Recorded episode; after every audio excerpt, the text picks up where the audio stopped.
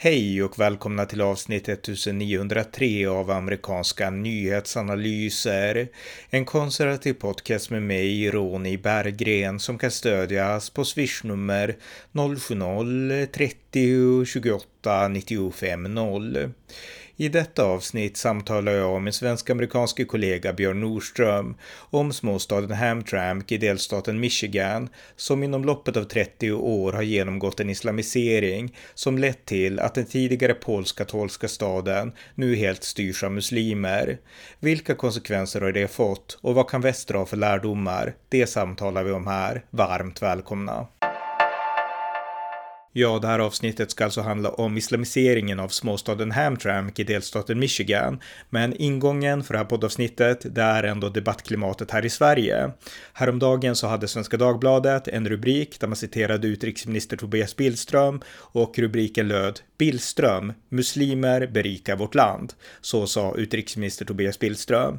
Men den fråga som jag här vill ställa retoriskt är på vilket sätt berikar egentligen muslimer västländer där islam får fäste? Därför att faktum är att med massinvandringen så ökar också utbredningen av islam och eh, det är det som kallas islamisering. Och islamisering är ett akademiskt fält som går att studera och slutsatsen efter att ha studerat islamiseringen i Asien och i Afrika som forskare drar, det är att där islam breds ut i icke-muslimska regioner eller länder, där minskar de liberala friheterna och eh, den individuella friheten minskar och kvinnors friheter minskar. Det här är en slutsats när man har studerat islamisering. Och det här fenomenet har ju nu fått fäste även här i Europa. Och eh, därför behövs det en mer kritisk diskussion av islamiseringen. Men en sån diskussion finns knappt, alltså en kritisk diskussion här i Sverige åtminstone. Och eh, just därför så tror jag att det kan vara viktigt att belysa exempel där islamiseringen verkligen har växt och varit väldigt konkret. Och eh, staden Hamtramck i delstat Michigan är ett praktexempel på det. Så att innan jag kommer in på samtalet med Björn Nordström så följer jag här en historisk bakgrund om staden Hamtramck i delstaten Michigan i USA. Ja, för att då ge lite bakgrund. Staden Hamtramck har idag 30 000 invånare och Hamtramck ligger i mångt och mycket inbyggt nästan i Detroit, storstaden då i delstaten Michigan. Och Hamtramck har blivit USAs första helmuslimska stad, alltså en stad som styrs av ett muslimskt kommunfullmäktige och har en muslimsk borgmästare. Och eh, det är det som gör staden intressant att analysera i den här podden. Men lite mer djupare bakgrund till stadens historia. Hamtramck eh, fick sitt namn år 1798 efter den fransk-kanadensiske soldaten Jean Francois Hamtramck som var en soldat som stred tillsammans med amerikanerna mot britterna i det amerikanska frihetskriget på 1770-talet. Eh, under lång tid så var det här ett minisamhälle och först år 1901 så blev Hamtramck en by och eh, 1910 så hade man 3559 invånare, alltså ett minisamhälle. Sen så hände det någonting 1914. Då hade ju bilindustrin börjat komma igång i USA och eh, Dodge Brothers Motor Car Company, de eh, startade en fabrik i Hamtramck och det här ledde till en massiv invandring av europeer, framförallt från Polen och på tio år så ökade befolkningen otroligt mycket och 1922 så blev Hamtramck en stad eh, och det blev man då för att undgå att bara bli en förort till Detroit. Man ville styra och eh, bestämma själva. Så att 1922 så blev Hamtramck en stad och eh, den första borgmästaren var polack. Han hette Peter Jesewski och eh, det är faktiskt så att Fram tills ganska nyligen så har i nästan hundra års tid varje borgmästare i Hamtrak varit polack. Så att en väldigt djupt eh, polsk stad kan man säga. Vid mitten av 1920-talet så ägde 78 procent av invånarna i Hamtrak sina egna bostäder och eh, 1930 så hade staden cirka 56 000 invånare. Det är alltså en enorm ökning från de eh, cirka 3 500 invånare som man hade bara 20 år tidigare. Och eh, 1949 så öppnade staden sin första offentliga parkeringsplats. Eh, 1956 då inträffade det något, som uni något så unikt som en olycka mellan en droska och en bil. Och det här var en av de sista sådana olyckorna av sitt slag innan droskorna försvann. Eh, 1959 så blev Hamtramck känt därför att då vann eh, stadens lag Little League World Series of Baseball, alltså man vann en stor baseballliga och det skulle dröja tills 2021 innan Michigan, något lag i Michigan vann den här ligan igen. Och eh, polackerna då, de var en viktig del såklart, en central del av den här stadens historia och eh, man försökte knyta samman staden med den amerikanska historien. Och det fanns ju under det amerikanska frihetskriget polacker som till exempel general Tadeusz Kościuszko som stred eh, för, för amerikanerna det fanns också en polsk general i frihetskriget som hette Kasimir Pulaski. Jag nämnde honom i min poddserie om den amerikanska revolutionen och eh, han hyllas också i den här staden i Hamtramck men också i Detroit överlag. Och i Hamtramck så har man också en eh, Kosciuszko Middle School, alltså en skola uppkallad då efter den här eh, polska generalen i det amerikanska frihetskriget.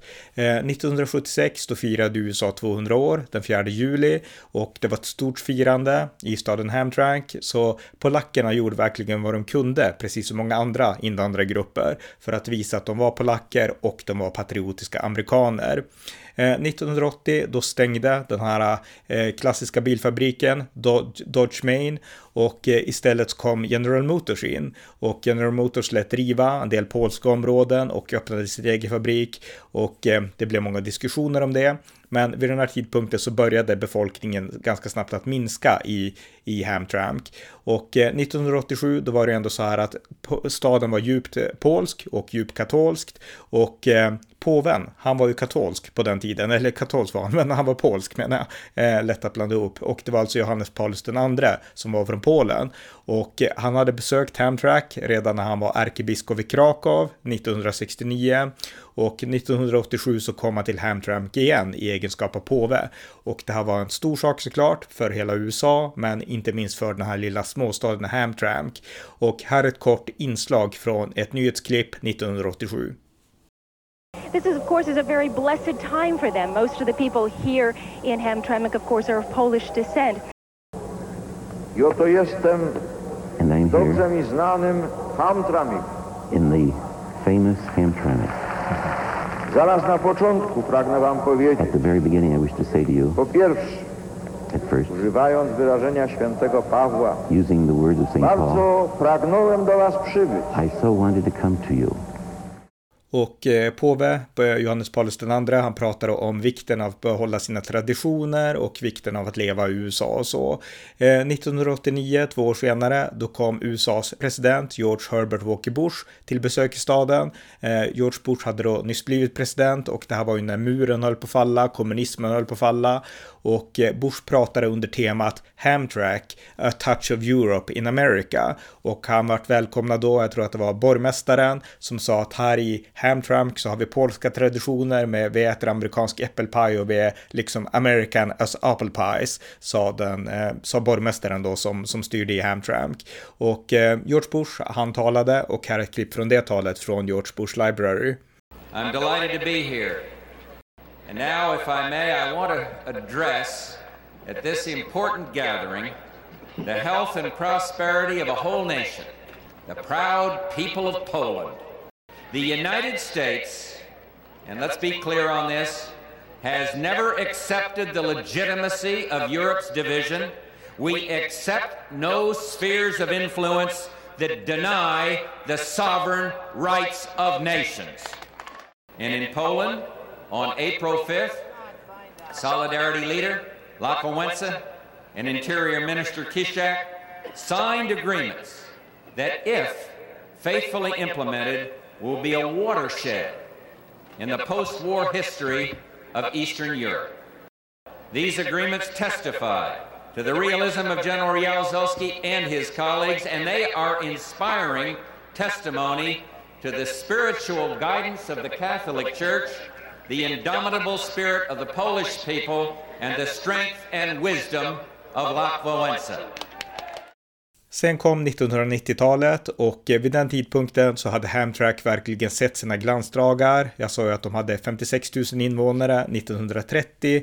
Eh, 1990 så hade man bara 18 300 invånare. Så att eh, det var det lägsta antalet sedan staden grundades.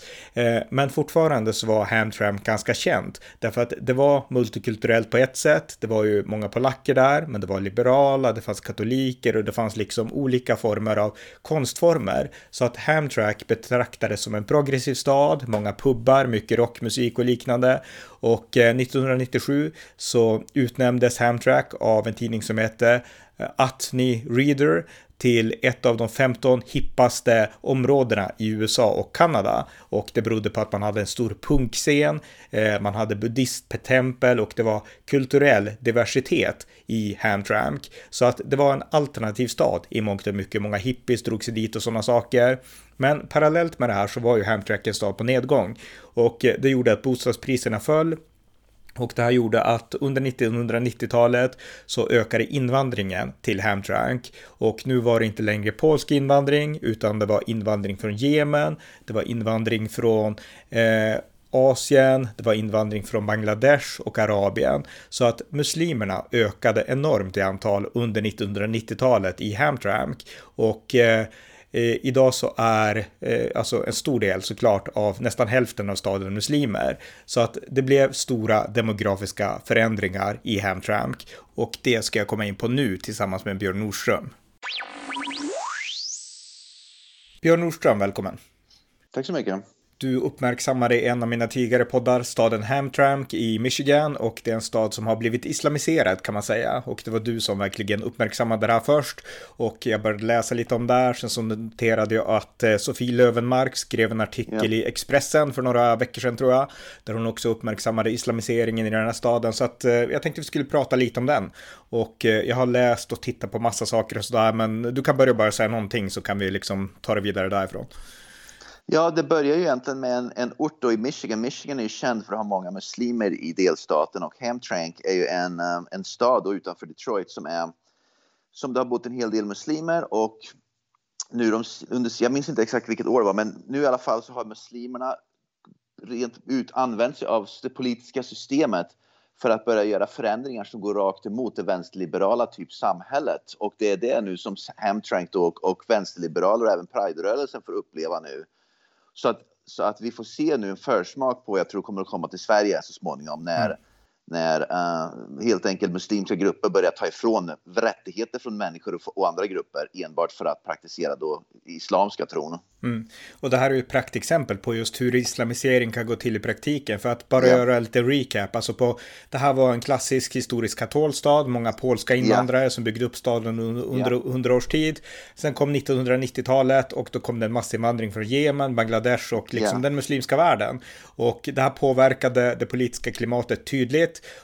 Och yeah. 2004 då fanns det en moské som heter, eller det finns fortfarande, Al-Isai Islamic Center heter den. Och den, den startade väl tidigare, men 2004 så ville man ha bönutrop. Vi har ju pratat om det här i Sverige också. Och eh, då var det många som, ja, det diskuterades i deras city council och eh, det var många som var, eh, ja, lite kritiska och så här. Och New York Times faktiskt, de hade en artikel 2004 där många lokalbor med polska efternamn sa saker som att vi vill inte ha fördomar mot någon, men, men alltså, de sa aldrig att det här skulle vara en moské med bönutrop fem gånger om dagen, utan de sa att det skulle vara ett Islamic Center. Eh, och en annan person, en kristen person som var 68 år, 2004, hon sa att eh, min, eh, det, jag har emot här väldigt enkelt. Eh, jag vill inte höra fem gånger om dagen att Allah är vägen och sanningen, eh, liksom 365 dagar om året. Det är liksom, det vill jag inte höra liksom så ofta. Och eh, så jag menar, de här eh, liksom klagomålen kom ganska tidigt. Samtidigt så var det också så, har du läst att det var många liberaler Yeah. Som välkomnade liksom den här massinvandringen och såg det som att vi är multikulturella, vi ska ta emot alla och vi ska inte vara islamofober. Och man drev liksom på liksom att vi ska inte vara islamofober och vi ska liksom vara välkomnande. Så att liberalerna öppnade upp för den här utvecklingen. Och sen när utvecklingen verkligen liksom gav konsekvenser, då började man protestera och förstod inte hur det kunde bli så. Men sen var det också så att eh, eh, 2013 då vart Hamtramck den första eh, muslimska majoritetsstaden i hela USA, alltså där en majoritet av populationen var muslimer. Så att Ja. det, det var historiskt 2013. Och 2015 så blev Hamtramck den första staden i USA som hade ett Alltså ett kommunfullmäktige så att säga, eller stadsfullmäktige då, som bara bestod av muslimer och bara muslimska män tror jag att det var till och med. Så att eh, Ja. eh, det var liksom, ja, det, det var rätt otroligt. Och i det valet inför liksom det stadsfullmäktige där, då var det en muslimsk aktivist som, som sa så här att Today we show the Polish and everybody else. Alltså idag så ska vi visa polacken och alla andra liksom. Och en polsk eh, liksom kandidat som kandiderade till stadsfullmäktige, eh, hon sa så här att jag är chockad att han sa så. Vi, jag trodde vi var goda vänner och det här är ju liksom att ställa grupper mot varandra. Så hon har varit helt chockad av att han sa så. Så att, eh, ja, och det som följde sen då, bara för att göra här historien lite kort, vi ska komma in på mer specifika saker snart, men det var att 2015, då började man be muslimska kvinnor i eh, Detroits liksom förorter, Hamtramck är ju en egen stad, men den ligger ändå i utkanten av, av Detroit, att eh, bära hijab i offentligt. Alltså kvinnorna skulle bära hijabs och man skulle ha hijabs på ID-korten. Så att det, det var ganska intressant. Och eh, 2016 så var det ännu fler klagomål på bönutropen. Men vid det här laget så var ju liksom bönutropen etablerade, hade funnits i mer än tio års tid. Och då var det en kvinna som förklarade med ett helt vanligt amerikanskt namn att eh, ja, de ljög för oss. De sa att det här skulle inte vara en moské utan ett Islamic Center. Och eh, det här, den här moskéns talesperson, Sakrul Isla, Islam heter han, han sa att eh, ett islamiskt Center täcker allt, en moské också ungefär. Och eh, andra som klagade, de avfärdade det här med att de är islamofober, de är emot islam liksom. Så att en tydlig islamisering har man ju kunnat sett under de här åren. Ja, Jag såg också att det var polacker som faktiskt konverterade till islam. Jag tror att trycket, grupptrycket blir så stort att, att antingen så konverterar man eller så får man leva liksom under mer problematiska förhållanden. Och jag bara för att nämna eh, storleksordningen. Hamtrak har 28 000 invånare ungefär, så det är ingen stor stad. Men det är i alla fall en stad. Och det är, I Sverige är 28 000 invånare. I USA är det en pytteliten ort. Men i Sverige skulle det i alla fall vara en... en, en, en det är ju ingen pytteliten ort i Sverige. I alla fall. Om man jämför då med. Men jo, så att man ser att, att det har ju varit en enorm, en väldigt snabb Eh, utveckling som har skett där. Och när du nämnde då att de talar inte sanning. Det finns ju det här, det har vi ju hört i, i Sverige med, det här uttrycket takia då. Det är att man får vara oärlig om det gynnar då islam och det är sånt där som de ser. Och även då, ja, det var du som skickade mig faktiskt flera stycken klipp igår. Jag tittade på alla dem och de intervjuade då många vänsterliberaler som undrade då hur kunde det gå på det här viset? Det här hade vi ju inte, liksom, vi har varit naiva, hur kunde det sluta så här? Det var någon kvinna som jag såg intervjuade som sa att jag flyttade från Kalifornien. Och det är det här som jag tror inte Sverige fattar heller. Jag flyttade från Kalifornien till Hamtrank specifikt för jag ville uppleva då den här citattecken och mångkulturen som erbjöds i Hamtrank. Och det blev ju inte alls den mångkulturen jag hade tänkt mig eller trott eller hoppats på utan det blev något helt annat. Va? Och när de pratar om just den här mångkulturen då, att islam erbjuder ju inte mångkultur utan islam blir ju till sist en monokultur. Och det är det som jag tror är fel. Så poängen med det hela är att, att vänsterliberaler då, nu är ju då Pride då, det var ju det som kom upp i Sverige då som en stuga. Pride då har ju då, Prideflaggor får inte hissas där längre och, och uh, ungdomar åker ju runt med bilar. Ja, det var också ett klipp man kan titta på Youtube. Det var du som skickade det med. Men ungdomar åker runt med bilar och kastar ägg på hus som har prideflaggor. kallar för egging. Man kastar ägg, med andra ord, man vandaliserar hus som har prideflaggor va? och intimiderar människor. Och går ut och käftar med folk och, och liksom försöker då käfta och intimidera dem och, och hota dem nästan. Det är hotfull stämning det blir det ju. För att de då ska ta bort de här prideflaggorna. Det var någon person de intervjuade då som hade fått sin prideflagga nedsliten och sönd och till och med den här flagg, flaggan då hänger. Det, det är ingen flaggstång man har som är nedtryckt i marken utan det man har en liten flagga som sitter på huset. Men det är liksom den här ma- konstruktionen då som håller kvar flaggan på huset har blivit förstörd också. Så att det sker ju vandalisering med det där också. Va? Och det är precis den typen av, av utveckling vi ser i Sverige. Nu är det ju inte då att, att, man, att det har att göra med att det är en, en muslimsk styrd stad i Sverige till exempel. Då. Men vi ser samma det här, man börjar hota och intimidera, trakassera då svenskar och tar över områden där inte svenskarna kan gå längre, no-go zone. Så det här var nästan lite grann en no-go zone. Det här blir en no-go zone då för, för, för de människor som är i hbqt-rörelsen. Så att utvecklingen gått väldigt, väldigt fort och de som har hjälpt till med utvecklingen, vänsterliberalerna, står nu och undrar hur kunde det här ske? Exakt, precis. För jag menar, det här förbudet det kom alltså ganska nyligen därför att det här, ja, den här frågan om, ja. Exakt, den här frågan har diskuterats under ett tag och 2021 då, för två år sedan, då fick den här staden då, som i hundra års tid bara haft polska borgmästare, Ja. då fick sin första muslimska borgmästare, den man som heter Amer, Amer Ghalib, han kommer från Jemen och har bott i USA i typ, ja, i några årtionden då, men han kom från Jemen ursprungligen och han kampanjade mot eh, en kvinnlig borgmästare med polsk bakgrund som hette, eller som heter Karen Majewski och hon blev borgmästare 2005. Hon blev den första kvinnliga borgmästaren i Hamtramck och eh, hon utmanades då 2021 av den här muslimska mannen då Amer Ghalib från Jemen och han vann därför att nu är ju populationen i Hamtramck så stor att det finns så många muslimer och de de debatterade faktiskt på en debatt eh, eh, Pride-flaggan och jag tänkte spela ett klipp från den debatten. Så här debatterade då den tidigare borgmästaren Karen Majewski mot utmanaren Amer Ghalib. So, uh, so I do have a question then, because I did have to break a tie on the gay pride flag, and I broke uh, the tie, and I will defend this, uh, you know, w- without question, um, to allow the pride flag to fly. How would you have broken that tie? Well, when I get elected, if this situation repeated, then then I would think about it at the time. That was your job because there was a tie. Yeah. Maybe the new city council will solve the problem without me having to take a decision. True enough. So when that happened, then I will think about it in the benefit of the people. I will always put into consideration, you know, not creating any division within the city. So from now until we get to that situation, if it happens again, we have to educate people how to accept each other. You know, I don't want to side with, like I said, my job is not to side with one group against the other. My job is to bring people together. My job is to build uh, bridges between them, make them learn from their differences, keep the line of communication open between them. That's how it should be. We should not impose our values on each other. We should accept each other. So, yeah, I hope that situation wouldn't happen again. But we will have a new city council, and I'm sure they will. Uh, they there will be hopefully qualified people that will solve the issues without creating more division within our community.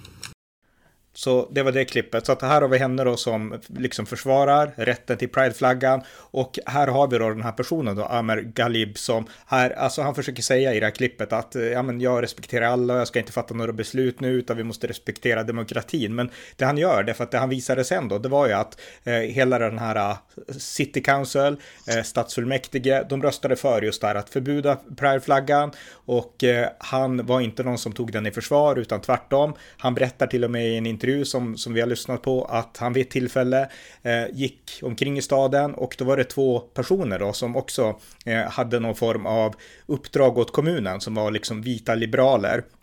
Och eh, de hissade prideflaggan för att protestera mot det här förbudet. Och när han såg det så, ja, liksom ringde han myndigheterna, de tog ner flaggan och sen lät eh, City Council då eh, rösta för att ge de här två eh, vita liberalerna eh, sparken. Så att de sparkades från kommunen för att de hade hissat prideflaggan. Och han menade då att det här ska göras för att hålla lugn och ordning. Men hela LGBTQ-communityt, de menar ju att det här, det är liksom anti Eh, ja, anti våra rättigheter ungefär. Så att jag menar, han pratar på ett sätt, precis som du sa, liksom demokrati, vi måste lyssna på folkviljan. Men sen när det blir en verklighet, då blir det ändå liksom, inte han, inte han personligen kanske, men folkviljan är ju den muslimska viljan liksom. Så att eh, det blir verkligen ett problem här. Ja visst, och hela den här stadsfullmäktige då, i den staden är nu just muslimer. Så att det är bara manliga muslimer som sitter i stadsfullmäktige. Ingen annan tar sig in och kan vara med längre därför att man blir helt enkelt bortröstad. För allt handlar ju om, om demokrati och valen. Men det vi ser nu det är att den muslimska gruppen då som har kanske en helt annan agenda än normalt. Det är att den använder sig av demokratin i Hamtramck för att sen rösta fram varandra Mm. och sen då börja inskränka rättigheter och börja, de utnyttjar demokratin för att sen helt göra staden till någonting helt annat än det demokratin egentligen från början var avsedd för.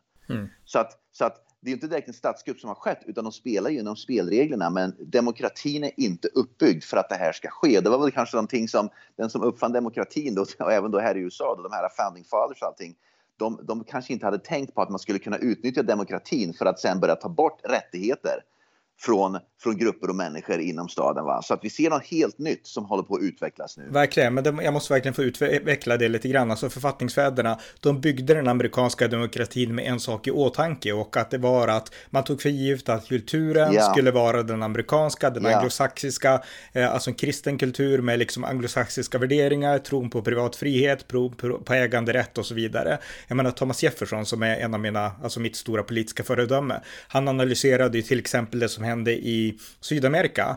Eh, och eh, liksom, där var det också demokratirörelser. Men Jefferson sa att de här länderna, de inspireras visserligen av oss här i USA, det vi har gjort, det har inspirerat hela världen.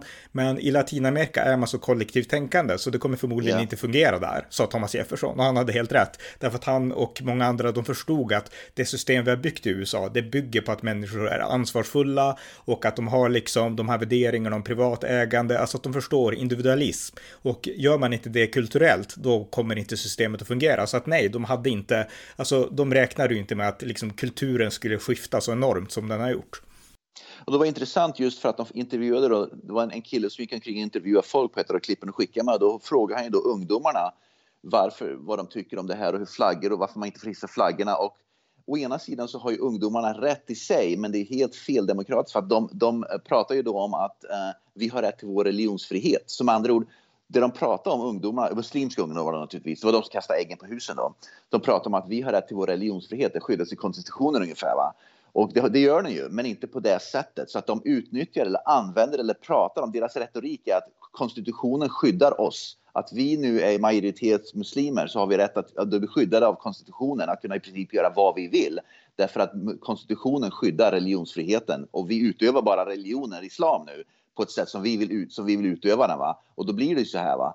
Och det är det som gör att det blir så himla svårt. Man kan ju säga då, varför kan man inte gå till en domstol och stämma? Det blir, men det, det, går inte riktigt heller, va? därför att kommuner och städer har rätt att, att ta bort till exempel flaggor och göra si eller så. Det kan man faktiskt göra därför att det kan återkomma helt enkelt till att de har rätten under det där i religionsfriheten. Mm. Men det var inte det som jag tror religionsfriheten var till från från början när, när den instiftades då, Founding Fathers, det var ju inte då att man ska stoppa andra grupper från att kunna utöva det de vill utöva. Va? Att man ska kunna ta religionen och sen köra över alla andra. Så var det ju aldrig tänkt från början. Va? Återigen, det var ju för att, det var ju för att kristendomen då skulle vara staten och staden då, det är USA, det här, det är, det är Sverige med tror jag, att städer, eh, staten och religionen ska separeras. Va? Men nu har ju sta, religionen och staten på något sätt gått ihop. Mm, och, det beror på att det, en, ja, ja. och det beror ju på skillnaden. Jag menar, I kristendomen så är det en separation mellan tron ja. och mellan liksom det, det världsliga, medan det är inte det inom islam. Så att det är det som är den stora skillnaden. Och det, den skillnaden har vi liksom varit naiva inför. Vi har liksom inte tagit den skillnaden i akt.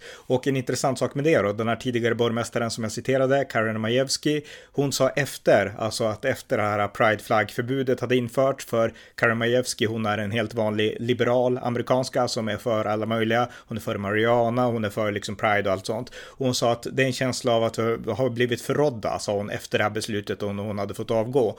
Och ja. eh, vi stödde er, alltså vi stödde er muslimer när ni var hotade, när ni var en minoritet. Men nu gör ni liksom tvärtom. Nu, nu stöder ni inte oss, utan nu är ni liksom eh, disrespectful för liksom kristna.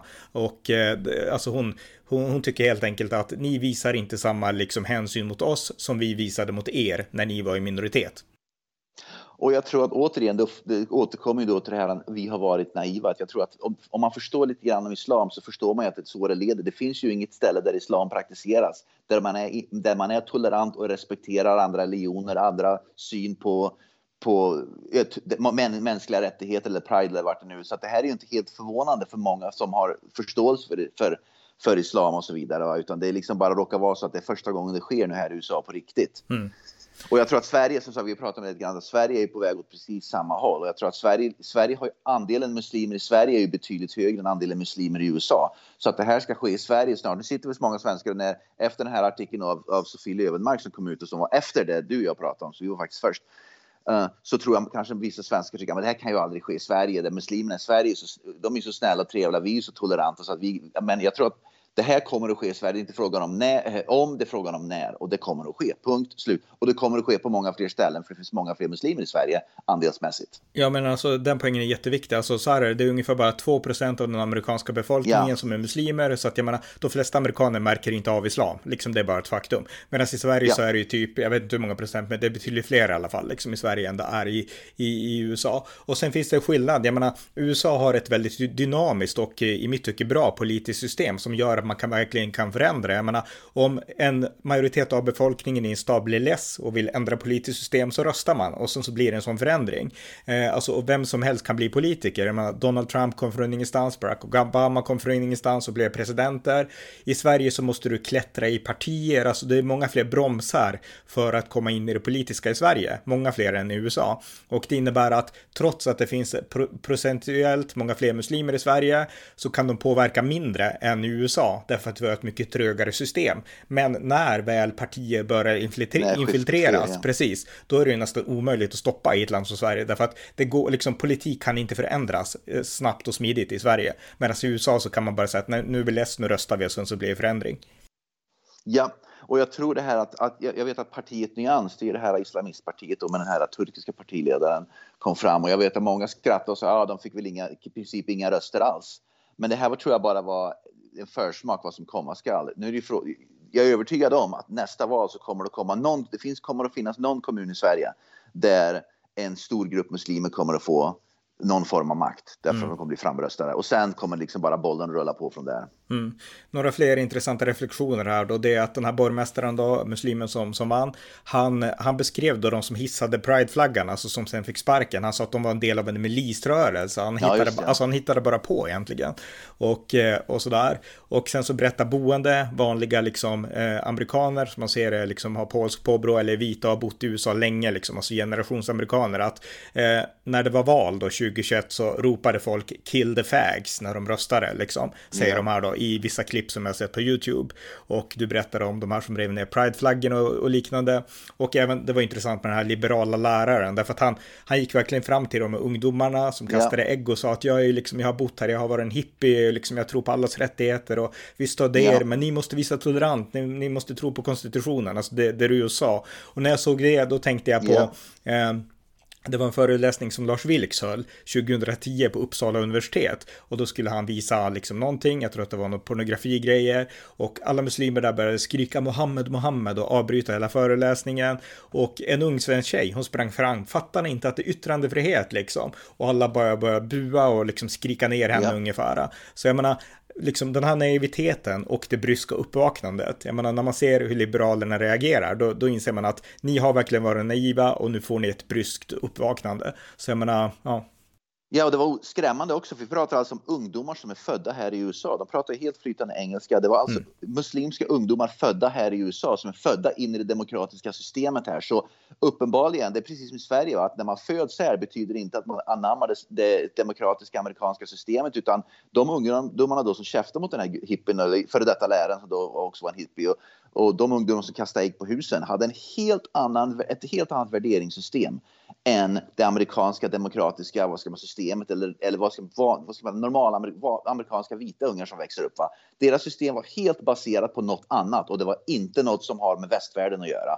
Och det är det som också är skrämmande, att de växer upp i hem då där, där islam råder, man förkastar demokratin, man förkastar vissa, rättigheter för många människor och så vidare. Va? Och så utövar man det här och ungdomarna verkligen, verkligen visade inte bara genom att, att trakassera de människor som satte upp sin prideflagga på, på husen utan även då genom det de sa och pratade om att nu är vi i makt, nu har vi makten, vi är uh, yttrande, vi, vi, vår, vi kan ungefär bete oss så här därför att vi skyddas av konstitutionens yttrande, eller förlåt, eh, religionsfrihet. Va? Mm. Så att man, även om det inte gör det på det sättet, va, så är det det de trodde. Va? Så att de har en helt förvrängd förståelse eller bild av vad demokrati och vad, vad konstitutionen egentligen säger. Va? Och det är jätteskrämmande att se. Och det är någonting som jag tror, som jag sa, det, det ser vi ju i Sverige med. Va? Att, att de här ungdomarna i Sverige som växer upp med helt andra värderingar än det svenska Och det till sist kommer ju att, att komma till en konflikt med svenska värderingar på samma sätt. Rent politiskt, inte bara liksom i samhället men också rent politiskt. Ja. När väl det får fotfäste. Ja, verkligen. Det är ett skrämmande exempel den här staden Hamtramck. Men ja. två saker till också som jag tänkte på också. Alltså, det här är ju liksom en konsekvens av två former av, alltså att man har varit blind inför det här. Ja. Och ett, ett, exempel på det, det är ju mainstream media. Alltså 2017 så gjorde CNN ett reportage om Hamtramck som jag läste innan jag ringde dig. Och Ja. 2017 var ju Donald Trump president och det pratades mycket om islamofobi, han skulle införa Ja. sitt muslim ban. Och CNN var ju mest woke av alla, så de Ja. hatade ju Trump och var helt emot det här muslim ban. Så att de gjorde ett inslag om Hamtramck och där skriver de så här faktiskt, det här är CNN 2017, att eh, på grund av, jag översätter det här till svenska, på grund av islams inflytande så klär sig många kvinnor lite mera modestly, alltså mer Ja. anständigt än i många Ja. andra städer. Men förutom det så är det en idealistisk small town America och eh, man man kan liksom inte, vi måste sluta demonisera muslimer. Så att man, man liksom, man tonar ner det faktum att kvinnor liksom klär sig mera liksom anständigt. Det, det tonar man ner liksom, det är ingen grej liksom, utan det här är, de jobbar hårt och de liksom tjänar pengar och det är det viktiga ungefär. Så jag menar, det säger ganska mycket om CNN, att CNN som är så liberala ska värna kvinnors rättigheter, när det kommer till islam då är man helt liksom, nej, då vänder man liksom, tittar man åt ett annat håll ungefär. Och de nämnde just också att de klär sig liksom mer anständigt och mer konservativt och så vidare. va? Att, att istället för att prata om att de blir påtvingade, det är som det här i Sverige- hijab-debatten i Sverige då, att istället för att prata om att kvinnorna blir nu påtvingade en annorlunda klädsel av männen där, då är det att man klär sig ungefär frivilligt och det är jättetrevligt och mysigt och man målar upp stan som att det skulle vara en jättetrevlig mångfaldsstad som har, som har liksom mycket att erbjuda USA. Va? Istället för att begripa att det här är på väg åt helt fel håll, det som CNN påstår sig stå för. Det här är det raka motsatsen. Men precis som i Sverige och svensk media så målar man upp allting med att hijaber är jättetrevligt och man, det är lite, man, man får lite ma- god mat och det är jättemysigt och trevligt och så vidare. Va? Istället för att förstå vad det egentligen är som händer. Va? Och det är det som, som, gör att vänsterliberal media har ju också, vad ska man säga, uppmuntrat det som skedde i Hamptrack tror jag inte skulle kunna ske, i alla fall inte kanske lika fort eller på samma sätt om inte vänsterliberal media i USA hade varit så otroligt omfamnande av just islam och muslimsk kultur och den här utvecklingen. Va? Utan det, det är vänstern själv och vänsterliberal media som faktiskt ligger bakom mycket av det här. För de uppmuntrar ju precis det som vi ser utvecklas och händer nu. Och sen undrar samma vänsterliberal media, vad är det som har hänt? Vi har ju varit så snälla och trevliga och, och öppna och försvarat dem mot, mot, de hemska, mot hemska Donald Trump och så vidare. Va? Och sen undrar de, vad är det tusen, hur kunde det ha gått så snett? Mm. För jag menar, det exakt, för vänsterliberal media påverkar ju demokraterna och det påverkar Ja. liberala politiker som tar Ja. till sig det och sen så implementerar politik åt det hållet. Men sen finns Ja. det också en annan avart kan man säga och det är republikanerna. Därför att faktum är att republikanerna har haft en sund syn på invandring, på islamisering. De har varit helt emot generellt. George W. Bush var visserligen väldigt tolerant, men det fanns liksom underifrån i det republikanska liksom, partiet en enorm islamkritik som verkligen växte underifrån, speciellt för tio år sedan under Tea Party-rörelsen och så vidare.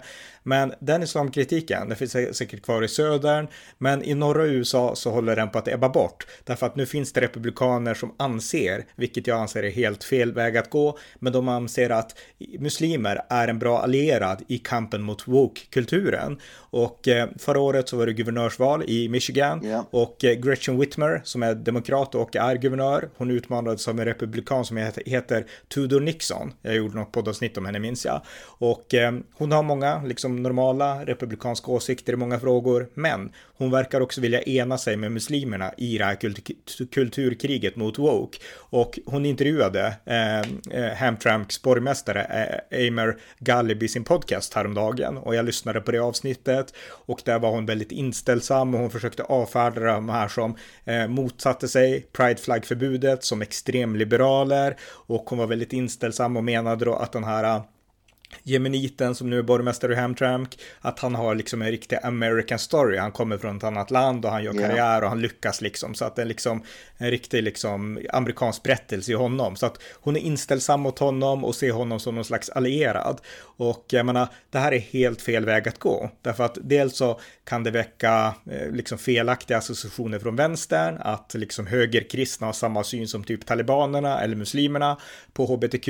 Det har de inte. Och det- liksom, det är det de måste fatta, att muslimerna har inte samma syn som dem. Därför att de här konservativa kristna, jag menar, jag känner många, jag vet hur de tänker, de är emot liksom det vi har pratat om ofta, sexualfascismen, alltså att få liksom det här nedtryckt i halsen. Och de är säkert emot också vissa saker, vissa kan vara emot homoäktenskap och så vidare, men de är inte emot de individuella friheterna som sådana. Alltså de anser att homosexuella ska ha rätt att leva som de vill, men de är ändå för liksom den dominerade liksom eh, klassiska amerikanska kulturen. Det ska vara normen, men sen ska liksom andra grupper absolut få ha sina rättigheter och det skiljer dem från islam. För islam så handlar det om att det är sharia och sharians rättigheter primärt som ska liksom implementeras. Så gör man det mjukt i USA, man säger inte öppet utan man gör det liksom sakta och man liksom lindar in det i demokratiord och så. Men det blir sharia i praktiken och så tror inte Tudor Dixon, det är jag helt övertygad om. Och så tror inte USAs kristna, även om de är emot liksom hbtq-rörelsens liksom extrema drag, så, så har de inte samma syn. Och och det är någonting som, jag menar, det här måste republikanerna vakna upp inför. Eh, det är ingen bra allierad att liksom gå i kamp mot eh, woke-kulturen genom att alliera sig med islam. Och jag tror också här i USA, eftersom islam är mycket mindre framträdande än den är i Sverige, så har oavsett om du är vänsterliberal eller, eller konservativ, republikan eller demokrat, så har man betydligt mer erfarenhet eller insikt eller kunskap i vart islam leder i ett västerländskt land. Jag tror att i Sverige så ser man mycket större konsekvenser av islam och muslimsk kultur än man gör här i USA. Så jag tror att det här är ett uppvaknande och folk, även då republikaner, då börjar liksom, de, de, jag tror inte riktigt man hajar vad som egentligen pågår och hur man ska alliera sig, utan jag tror att man i, i början så tycker man alltid att okej, okay, nu kanske jag kan få några allierade och jag kan, vinna, jag kan få politisk makt eller jag kan få lite fler röster. Att, att man reagerar på ett sätt som att det här kan gynna min kortvariga kamp. Men den långvariga kampen är ju något helt annat. Det här är ju för muslimer, det här är ett maratonlopp, inte liksom ett sprint. Va? Mm. Och det gör att man allierar sig lätt för man tror att nu kan jag vinna ett guvernörsval eller jag kan vinna ett, ett, ett kommunalval eller vad det kan vara, om jag allierar med den här gruppen. Va? Men man förstår det kanske inte i grunden. Vad är det egentligen för ideologi som jag allierar mig med? Och hur lika är den ideologin, eller olika är det snarare, är den ideologin och de värderingarna mina egna? Och det är det jag tror man faller, att man förstår inte att ideologin och värderingarna är så himla annorlunda i grund och botten och att långsiktigt är en vansinnig liksom utveckling att man allierar sig helt enkelt med fel. Det, fin det finns faktiskt mer likheter mellan demokrater och republikaner än mellan islam och republikaner till exempel. Men efter, eftersom, eftersom det är sånt öppet bråk mellan republikaner och demokrater så ser man så är det lätt att glömma att vi faktiskt har faktiskt mer likheter än vad vi, vad vi har med till exempel islam. Ja.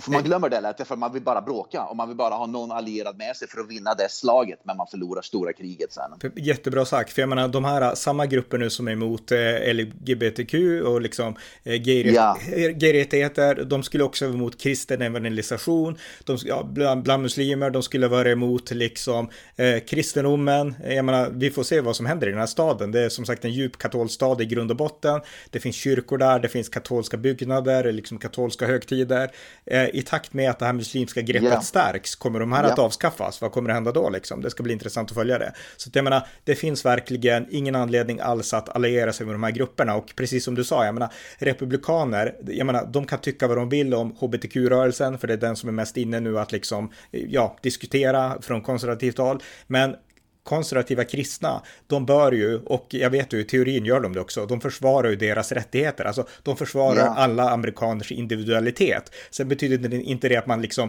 eh, affirm allting som liberaler gör såklart, inte alls, men man värnar ändå deras rättigheter och det är den skillnaden för att man tror på konstitutionen och det är den ja. skillnaden som man liksom inte förstår att många muslimska grupper inte delar. Men det finns en person som har varnat för det här länge som jag följer, en islamkritiker från USA som heter Robert Spencer och ja. han skrev en bok för ja, typ tio år sedan som heter Not Peace But a Sword, eh, alltså inte fred utan ett svärd och det är en bok som jag har recenserat på amerikanska nyhetsanalyser och där skriver han specifikt varför kristna inte bör alliera sig i muslimer i kampen oavsett oavsett om det handlar om aborter eller om annat. Därför att muslimer har en annan ingång i det här än vad kristna har.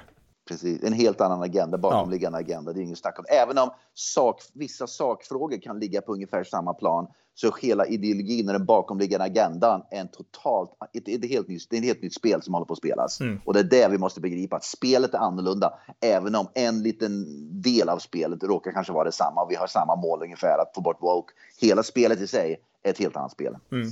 Och som sista sak innan vi avslutar, eh, jag läste en artikel i The Guardian som heter A sense of betrayal, Lib liberal dismay as Muslim-led US city bans pride flags. Och det här var den 17 juni i The Guardian och eh, då skrev, skrev man så här då att 2015 så var det många liberala eh, invånare i Hamtramck, Michigan som välkomnade att eh, det kom så många muslimer och att Ja. liksom staden blev den första muslimsk majoritet, majoritetsstaden i USA. Men i takt med tiden så har man ändrat sig och på den tiden så var man också emot islamofobi. Men nu känner man sig förrådda därför att nu Ja. är det här muslimska communityt emot LGBTQ-communityt. Så att, eh, jag menar, här har vi verkligen naiviteten och det bryska uppvaknandet. Så jag menar, jag tycker att den här staden, Hamtramck, som du var inne på, det här är liksom ett eh, väldigt illustrerande exempel på vad islamisering innebär konkret. Och jag menar som vi sa, även om Sverige inte har, eftersom vi inte har samma system som i USA, det här liksom snabbtillgängliga systemet, så går det inte lika snabbt förändringarna är, inte ens när muslimerna är fler än de är i USA. Men, men alltså, här kan vi ändå se framtiden. Islamiseringen får konsekvenser. Kolla på, på Hamtramck. Och vi ser också exakt vilka grupper det är som, blir, som, som får uppleva negativa konsekvenser direkt. Och det är kvinnor och det är hbqt-grupper. De- Precis samma grupper som faktiskt är de som omfamnar öppet i Sverige eh, Islamiseringen i Sverige. Precis samma av de grupperna. Och det är lite grann som Iran. Det är också, man kan väl nästan dra parallell till Iran där också, 79 eller vad det var. Det är precis samma sätt. Man hjälper en grupp att komma fram till makten för att sen utplåna sig själv ungefär. Mm, exakt. Och jag menar, det här är också ett exempel på, jag menar, vilka som drabbas först. Jag menar, jag brukar ofta prata om att det är underklassen som drabbas först av islamisering och Hamtramck är praktexemplet på det.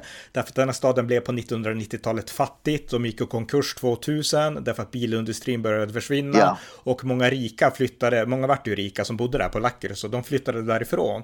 Och då föll bostadspriserna i takt med att befolkningen minskade, Ja. många hus blev övergivna och då fick ju de här flyktingarna, invandrarna från Jemen och från Bangladesh råd att flytta dit. Så jag menar, de som bodde kvar då, de som var för fattiga för att flytta eller som ville bo kvar, det var ju de som drabbades av islamiseringen. Så jag menar återigen även ett exempel på att det är underklassen som drabbas först och sen i takt med att det kommer muslimer som väx, liksom klättrar i liksom olika områden, då liksom tar sig liksom islamiseringen också in i medelklassen. Så jag menar Hamtramck, vi kan verkligen lära på många sätt av den här staden. Eh, och eh, ja, då inte positiv lärdom utan tragiska Dyster framtid. Ja, precis, precis, en dyster framtid. Ja, men det var den analysen, så tack Björn. Ja. Tack så mycket. Tack för att ni har lyssnat på amerikanska nyhetsanalyser. En konservativ podcast i det vänsterliberala svenska mediebruset som kan stödjas på swishnummer 070-30 28 95 0 eller via hemsidan på Paypal, Patreon eller bankkonto. Skänk också gärna en donation till valfri Ukraina-hjälp. Tack igen för att ni har lyssnat.